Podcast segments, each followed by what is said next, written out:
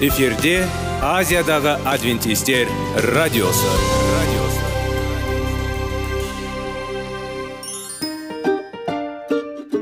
сәлем достар. Денсаулық өмір бұлағы және біздің бірінші байлығымыз демекші денсаулық сағаты рубрикасына қош келдіңіздер. Бір кісінің ауырғанын айтқысы келмесе де ол онсыз да көрініп түсінікті болады. Өйткені ауырғанда жанымыз қиналғаны кейде соншалық сол үшін дәрі алуға қарағанда мұның бәрін алдын ала алу жақсы емес пе? Біздің рубрикада біз әртүрлі факторларменен мәліметтерменен кеңестерменен бөлісіп шын жүректен сіздердің дендеріңіз сау болғанын қалаймыз. Сол үшін біздің рубрикаға қош келдіңіздер. Дайындалып тұрыңыздар. Өйткені келесі минуттарда қызықты фактілерге ие боласыздар. Енді достар ең бірінші байлығымызды қолымызға алып алға кеттік. Бізбенен болыңыздар.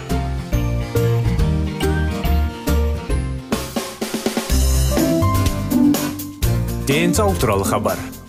Денсаулықтың ашылуы.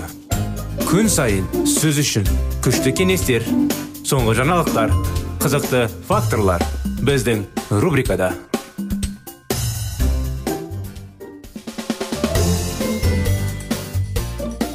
Шай ішіп үйренген қымыз деп қыстамайды. Тоқ адамды ұйқы басады аш адамнан ұйқы қашады. Дастарханда наның жоқтың тамағынан сәні жоқ демекші. Ассалаумағалейкум сәлеметсіздер құрметті достар. Біздің радио тыңдаушыларымыз біздің денсаулық сағат бағдарламамызға қош келдіңіздер. Сіздермен бірге әрдайым жеміс жидектер жайлы денсаулыққа пайдалы жеміс жидектердің қайсы дұрыс қайсы бұрыс жайлы қайсысы қандай бізге пайдалысы әкелетін жайлы анықтамалар және де ағзай жайлы. Біздің денсаулығымыздың барлығы жайында қалай керемет сезінетіндей қалай ұзақ өмір сүретіндей тақырыптарды көтермелеп әңгімелейміз. Сондықтан бүгінгі сіздердің назарларыңызға құрметті достар дұрыс әдеттер. Дұрыс әдеттің бірі бүгінгі күнде тәбетті бақылау әдеті. Белдегі артық қатпарлардың негізгі кінәлі. Бұл торттар мен кәмпиттердің барлық жаңа және жаңа порцияларын талап ететін біздің сенімсіз тәбетіміз. Оны қалай бақылау білуге болады. Кейбір адамдар көп жеп бірақ салмақ азар, азаратындай тамақтар бар ма дегенде сұрақтар туады да. Әсіресе қыздар мә не деген мынаның бәрі тәтті осының бәрін көп жеп бірақ фигурам бір қалыпта болған керемет болатын еді дегендей ой пікірлер болады. Сондықтан шын мәнінде қалыпты тамақтандыру түріндегі ештеңе жоқ. Оны әдетпен жасау керек. Неге бізге тәбетті бақылау керек? Бір тағы мақал бар ғой құрметті достар естеріңізде шығар таңғы асты өзің іш түскі асты досыңмен бөліс. Кешкі асты дұшпанға бер дейді ғой. Оның бәрі бекерден бекер емес дұрыс тамақтанудан басқа қалыпты салмақ бар ең жақсы жолы. Тәбетті бақылауға үйрену оны бақылау сау арықтаудың кілті. Бұл өте маңызды дәлел себебі қалыпты салмағы бар адамдардың зиянкерлік өміріндегі артық адамдарға қарағанда жоғары. Әрине ә, салмағы көп адамдар әрине жүрекке жаңағы бұлшық еттеріне әсіресе омыртқаларына әсер етеді. Сондықтан тамақты дұрыс бақылау керек. Жаңа да бағана айта кеткендей дұрыс тамақтануды таңғы ас түскі ас кешкі ас дегенде бекер айтқан жоқ сіздерге кеңес таңғы асты күнделікті мысалы сіз азаннан кешке дейін жүз пайыздық тамағыңызды таңертең сіз елу пайызды қылып тамақ ішуіңіз керек. Кейбір адамдар өйтпейді кейбір адамдар шай іше салады мүлдем аузына бір нәрсе тыға салады кейбіреулер мүлдем ештеңе ішпей шығып кетеді. Сонда түске дейін шыдап жүреді. Бұлай болмайды. Әрине асқазан ертеңгісін ағзаңыз ә, кедергі болады оның бәрі. Сондықтан таңғы асыңыз каша болсын бір нәрсе болсын бірақ тойымды қылып күнделікті тамақтың елу пайызы таңғы ас болу керек. Түскі ас қырық пайыз болу керек а кешкі ас он пайыз болу керек. Ал біздерде қазақтарда қалай? Азаннан кешке аш жүресің де кешке мәссаған деп бес шпармақты алдына әкелген кезде соның бәрін опырып топырып ішіп аласың да майлы қылып. Әрине түнімен ішің ауырады кейін денсаулығың нашарлай бастайды. Соның дұрыс жеуге дұрыс ә, тағамды дұрыс қадағалау керек. Бешбарма жемеңіз демейміз. Енді әркімнің өзінің несі? Өйткені кейбір адамдар мысалы ет жейді кейбіреулер ет жемейді. Жарайды ә, бағдарламамыздан тақырыбымыздан алыстамайық. Сондықтан ол басқа тақырыпқа да жатқызуға да болады. Ал егер ет жесеңіздер әрине оған соотношение қылып бір біріне келісетіндей қылып жиі шөп шалам жеу керек. Сонымен қатар егер сіз тәбетіңізді бақылауға үйренсеңіз онда сіз өзіңіз спортпен шұғылдануға жүгіруге жүзуге баскетбол ойнауға қабілетті сезінесіз және тағы басқалар. Сонымен қатар сіз аз жеп немесе саналы түрде сіз тамағының дәмін жақсы бағалай алсаңыз демек көп рахат сезінесіз. Біз тәбетті бақылағанда не болады? Тамақтанудың қалыпты болуы ас қорыту жүйесі мен бүкіл ағзаға артық тағамдық және метаболикалық жүктемені төмендетеді. Тәбетті бақылау қабілетті өмір сүру ұзақтығын арттырады және оның жоғарғы сапасына ықпал етеді. Өйткені тамақтану мен ми жасушаларының қартаюын тудырады. Тамақты ұстамандылық керісінше миға жас және сау болуға көмектеседі. Италиялық ғылымдар әз аз жейтін адамдардың миы ұзақ өмір сүремін байланысты зат шығара бастағанын анықтады. Егер тәбетті бақылау болмаса не болады? Жақсы тәбетте қиындық болуы мүмкін. Әсіресе тоңазытқышты калориямен жеуге болмайды. Артық немесе шамадан тыс калориялық тағамды пайдалану дене салмағының артуына сезімдікке әкелді. Сондай ақ әр түрлі аурулардың қаупін арттырады. Егер қалыпты массасы бар адамдардың өлім көрсеткіші үшін жүзге қабылданса онда артық салмақты 10 пайызы шамамен 6-7 килограмм бұл санды 120-ға дейін ал 30 пайызы шамамен 20 килограмм 170-ге дейін арттырады. Ең төмен өлім жетім нормадан 10 пайызға. Төмен салмағына адамдарға арасында байқалады. Не істеу керек? Бізде сіз үшін жақсы жаңалық бар. Тәбетті бақылау өте мүмкін. Мүмкін егер бірнеше қарапайым ережелерді ұстансаңыз. Әрбір бөлікті мұқият шынаңыз мұқиятпен ә, шайнаңыз. Азық түліктен оның дәмді қасиеттерін ләззат алыңыз. Мысалы шоколадтан рахат алу үшін бір бөлікті жеуге жеткілікті және барлық плитканы жеуге міндетті емес. Рас біз өз өзімізді қолымызда ұстай алмаймыз ғой. Келесі ереже шағын өлшемді ыдысты қолданыңыз. Сонда сіз оған қажетті емес қоюға мүмкіндік болмайды. Сонымен қатар сіздің табақшада жартылай көкөніспен толтырылу керек. Ал тарап жаңағы тағамыңыздың ең аз калориялық тағамдардан бастау керек. Мысалы көкөніс салатынан. Бұл сіз неғұрлым калориялы көшпес бұрын пайдалы өнімдермен себуге мүмкіндік береді. Қорытындыға келсек оның ағзасын диеталар мен аштық арқылы ақылсыз ішудің орнына. Мәселені бір жола шешу оңай емес пе? Үйреніңіз сіздің аппетитіңіз сондай сізге қиындық тудырмай өзіне. Сіз бір қалыпты тамақты және салмақты болыңыз. Біз сіздердің барыңызға сенімдіміз. Денсаулықтарыңыз мықты болсын. Ағзаларыңызды дұрыс ұстаңыздар осымен бағдарламамыз аяғына келді. Сіздерді келесі бағдарламада қуана күтеміз. Келесі жолға дейін сау болыңыздар.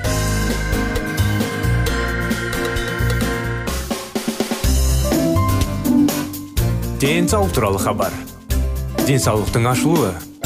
Күн сайын сөз үшін күшті кеңестер соңғы жаңалықтар қызықты факторлар біздің рубрикада.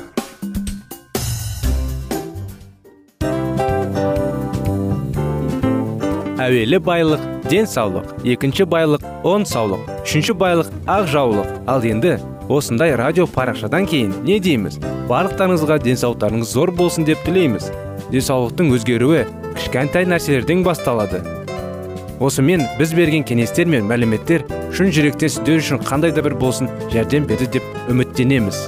Тыңдаушыларымызбен келесі радио парақшасына дейін қоштассамыз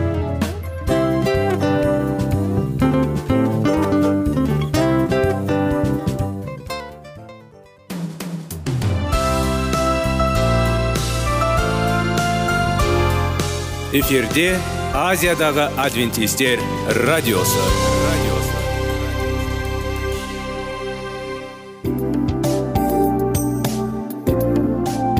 Сәлем достар. Барлықтарыңызға біздің сүйікті шын жүректен сөйлесейік рубрикасына қош келдіңіздер деп айтпақшымыз. Негізі шын жүректен сөйлесейік рубрикамызда не жөнінде айтамыз? Шын жүректен сөйлесейік бағдарламасы әртүрлі қызықты тақырыптарға арналған. Махаббат деген биік тас. Оған ешкім жете алмас. Жетеді оған екі жас дегендей. Шындығында шын жүректен сөйлесейік деген сөздің мағынасы екі достың екі адамның екі жастың арасындағы шын жүрекпен сөйлесуі бір біріне сенуі ашықтық пен шындықты білдіреді. Сол үшін біздің бағдарламаларды үзбей бізбен бірге болып тұрыңыздар. Әртүрлі қызықты тақырыптарды сіздер үшін арнап дайындағанбыз. Дайындалыңыз жаңа қызықты мәліметтерге ие болуға. Ондай болса кеттік.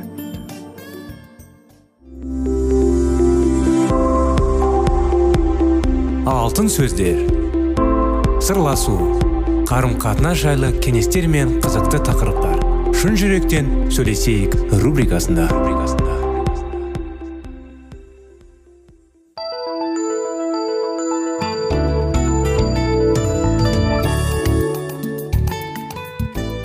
Армысыздар. Ассалаумағалейкум. Сәлеметсіздер ме біздің құрметті радио тыңдаушыларымыз біздің құрметті достар. Біздің шын жүректен сөйлесейік бағдарламамызға қош келдіңіздер. Құрметті достар сіздерді біздің бағдарламада кездескенімізге қуаныштымыз. Біздің бағдарламаға жаңадан қосылып жатқан болса сіздерге де сәлем жолдаймыз. Әрдайым шын жүректен сөйлесейік бағдарламасында керемет тақырыптар сүю жайлы қарым қатынас жайлы бір бірін түсіну жайлы. Әрдайым махаббатпен толы. Жанұяда өмір сүретіндей тақырыптар диалогтар жүргізіледі. Қазіргі уақытта сіздердің назарларыңызда шектеулер кітабын жалғастырудамыз. Тамырланып қалған тани және рухани әдеттеріңізді жеңуге жеткілікті күшіңіз болмаса да сіздің жеңістік жемісін кейінірек әкелетін кейбір нәрселерден атқара алатын шамаңыз бар. Істің шынайы жағдайын мойындауға шамаңыз келеді. Келек татта бұл мойындау деп аталады. Мойындау яғни бір нәрсемен келісу.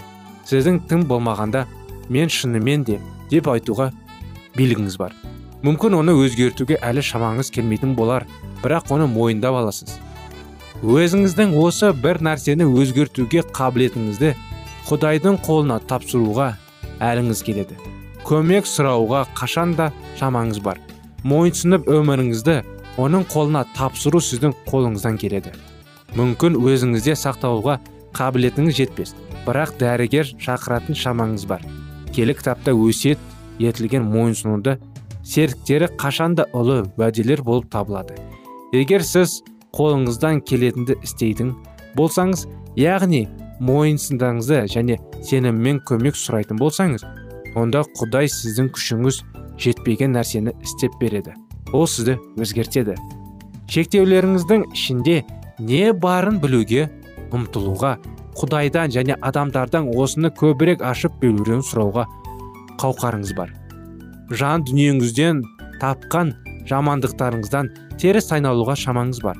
Бұл таубеге келу деп аталады. Әрине сіз бір сәтте кіршіксіз кемілді болып кетпейсіз бірақ болмысыңыздың күнәһар жаттарын өзгертуге көңіліңіз ауады.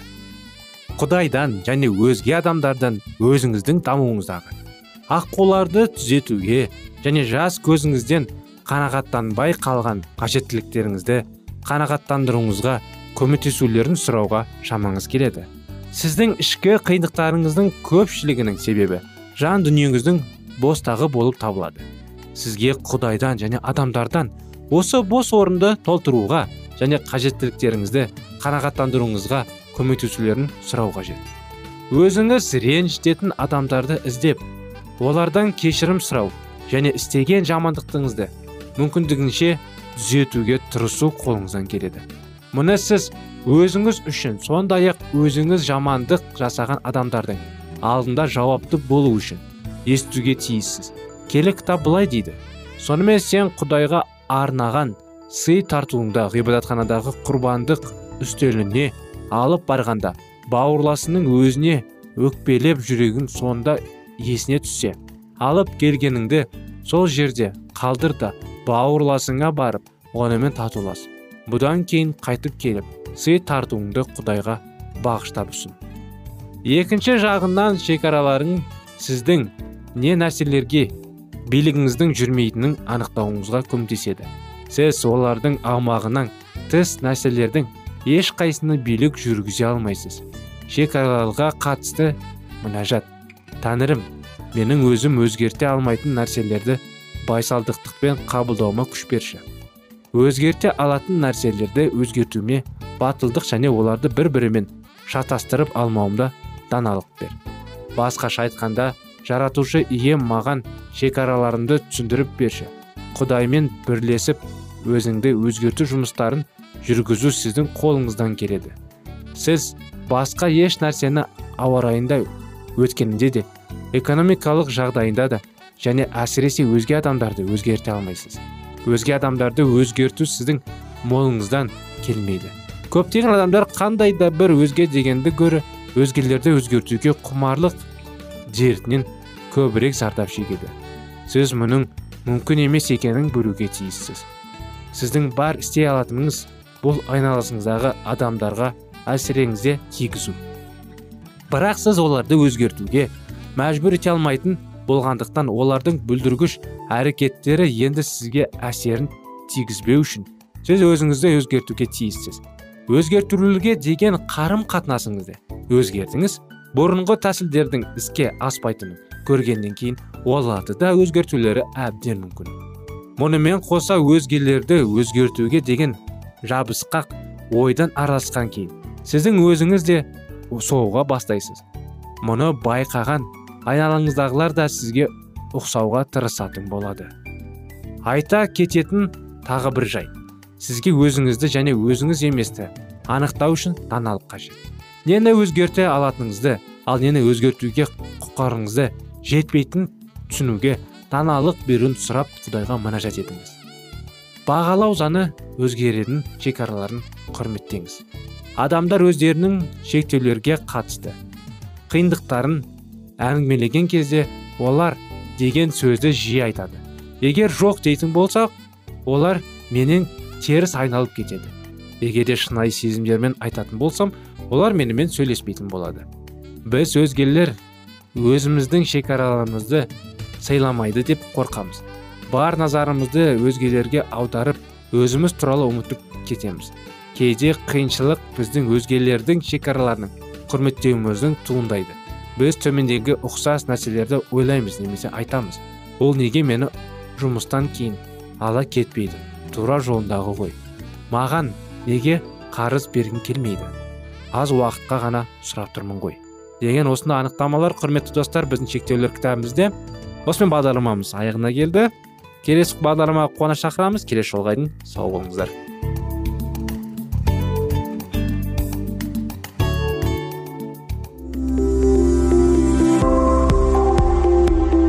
Алтын сөздер. Сырласу. Қарым қатынас жайлы кеңестер мен қызықты тақырыптар. Шын жүректен сөйлесейік рубрикасында.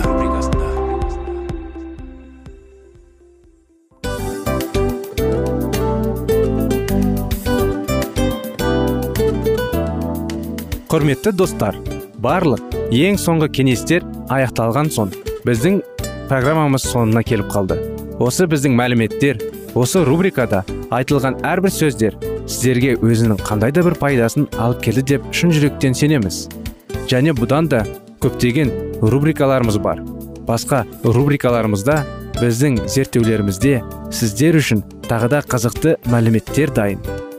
Біздің шын жүректен сөйлесейік парақшамызда көптеген әдістер ең соңғы кеңестер адамның нравственность жақтан моральдық жақтан тазалап байыта тұрған соңғы кеңестердің барлығын жанарады. сондықтан алдыңғы күндерде бізбен бірге болыңыздар. Өйткені барлық қызықтар алдыда. Бізбенен бірге болғандарыңызға үлкен рахмет. Келесі кездескенімізше сау сәлемет болыңыздар.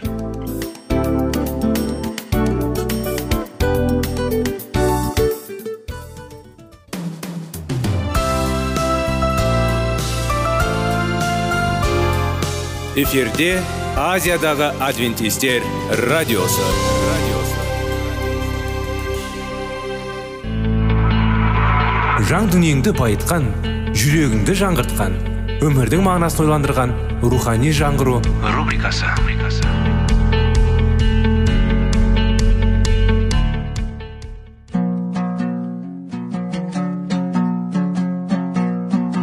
Ассалаумағалейкум.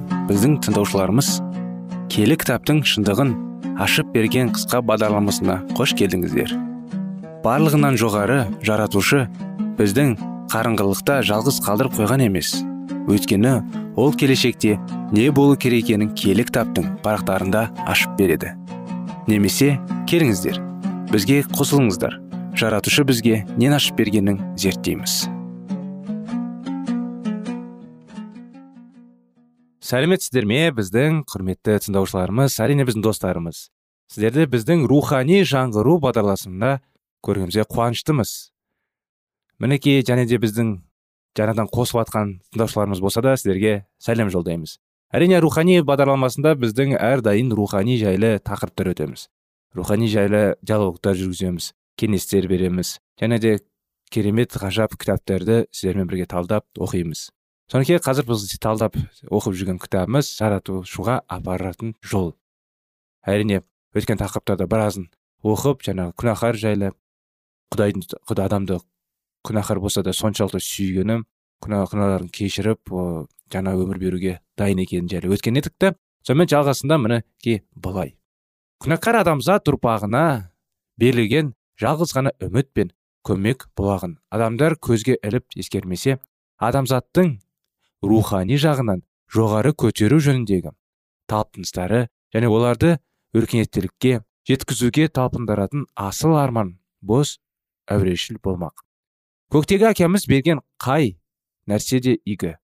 Оның көмегіңізсіз мінізді толықтай өзгерту ақылға сыйымсыз. Құдайға тек қана иса арқылы келе аламыз. Ол былай деген еді. Жол шындық және шынайы өмір менмін. Мен арқылы болмаса ешкім де әкеге бара алмайды. Құдай жер бетіндегі балаларына өлімнен де күшті сүйіспеншілікпен байланысты болды. Ол өзінің рухани ұлын беру арқылы бізге аспанның барлық қызынларын сайға тартты. Құтқарушының өмірі өлімі және құтқарушылық жақтаушылық қызметі періштелердің құлшылық етуі қасиетті рухты үндеуі барлығының үстінен және барлығы арқылы әрекет ететін құдай әкенің қамқорғы аспан әлемі. Тұрғындарының ықыласы міне осылардың бәрі де адамзат баласын құтқаруға бағытталған.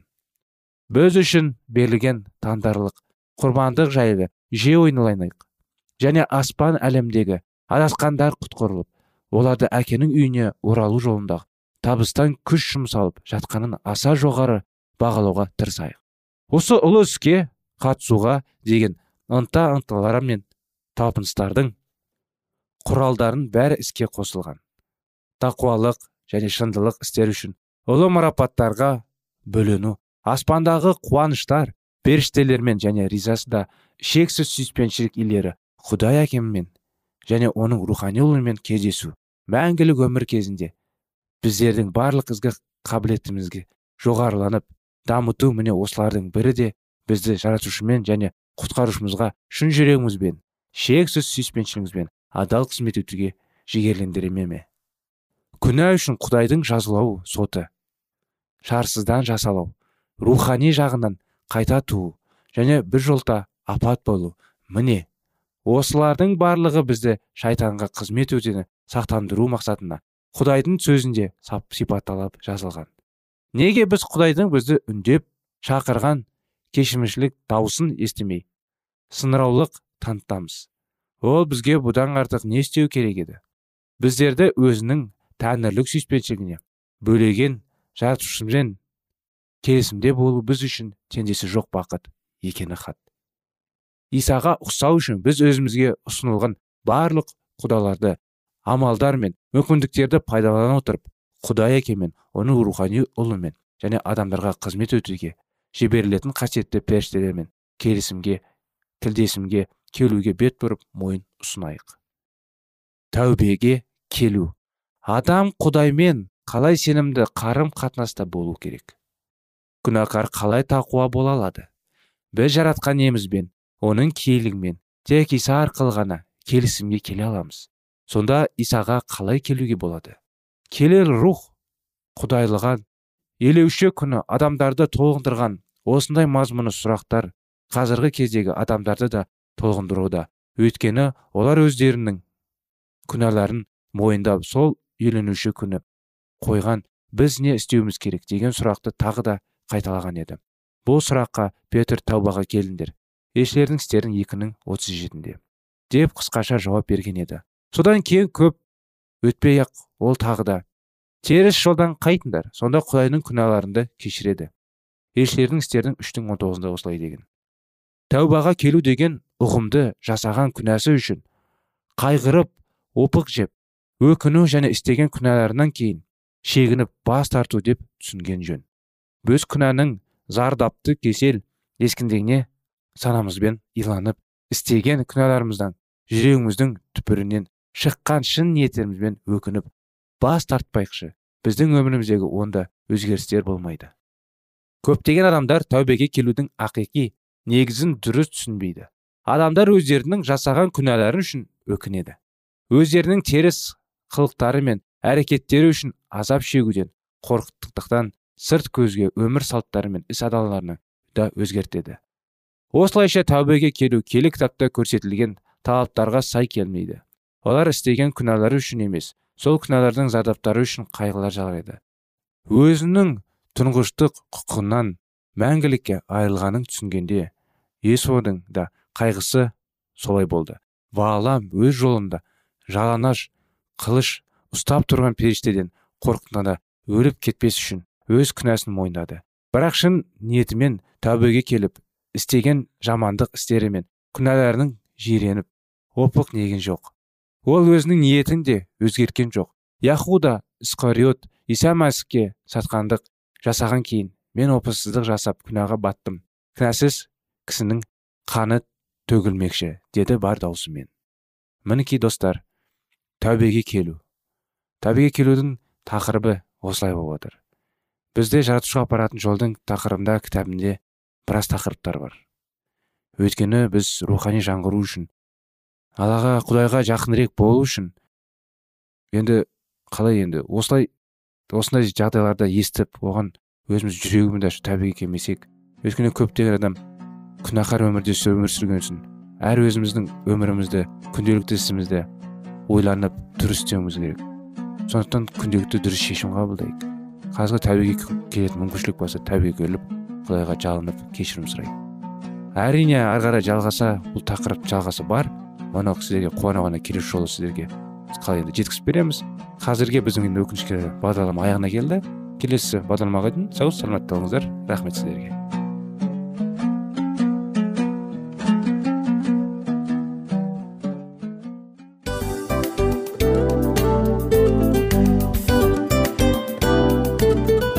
Осымен достар программамыздың зерттеуіміздің ең қайғылы минутына жеттік. Қайғылы дегенде бағдарламамыз тез арада өтті де кетті. Соған көңіліміз түсейін деп тұр. Жарайды қайғыны қояйық. Бүгінгі 24 сағаттың алтындай жарты сағатын бізге бөліп арнағаныңыз үшін рахмет. Егер де өткен сфераларда пайдалы кеңес алған болсаңыз біз өзіміздің мақсатымызға жеткеніміз. Тыңдаушыларымызбен қоштасу уақыты келді. Келесі кездесулерді сағынышпен күтеміз.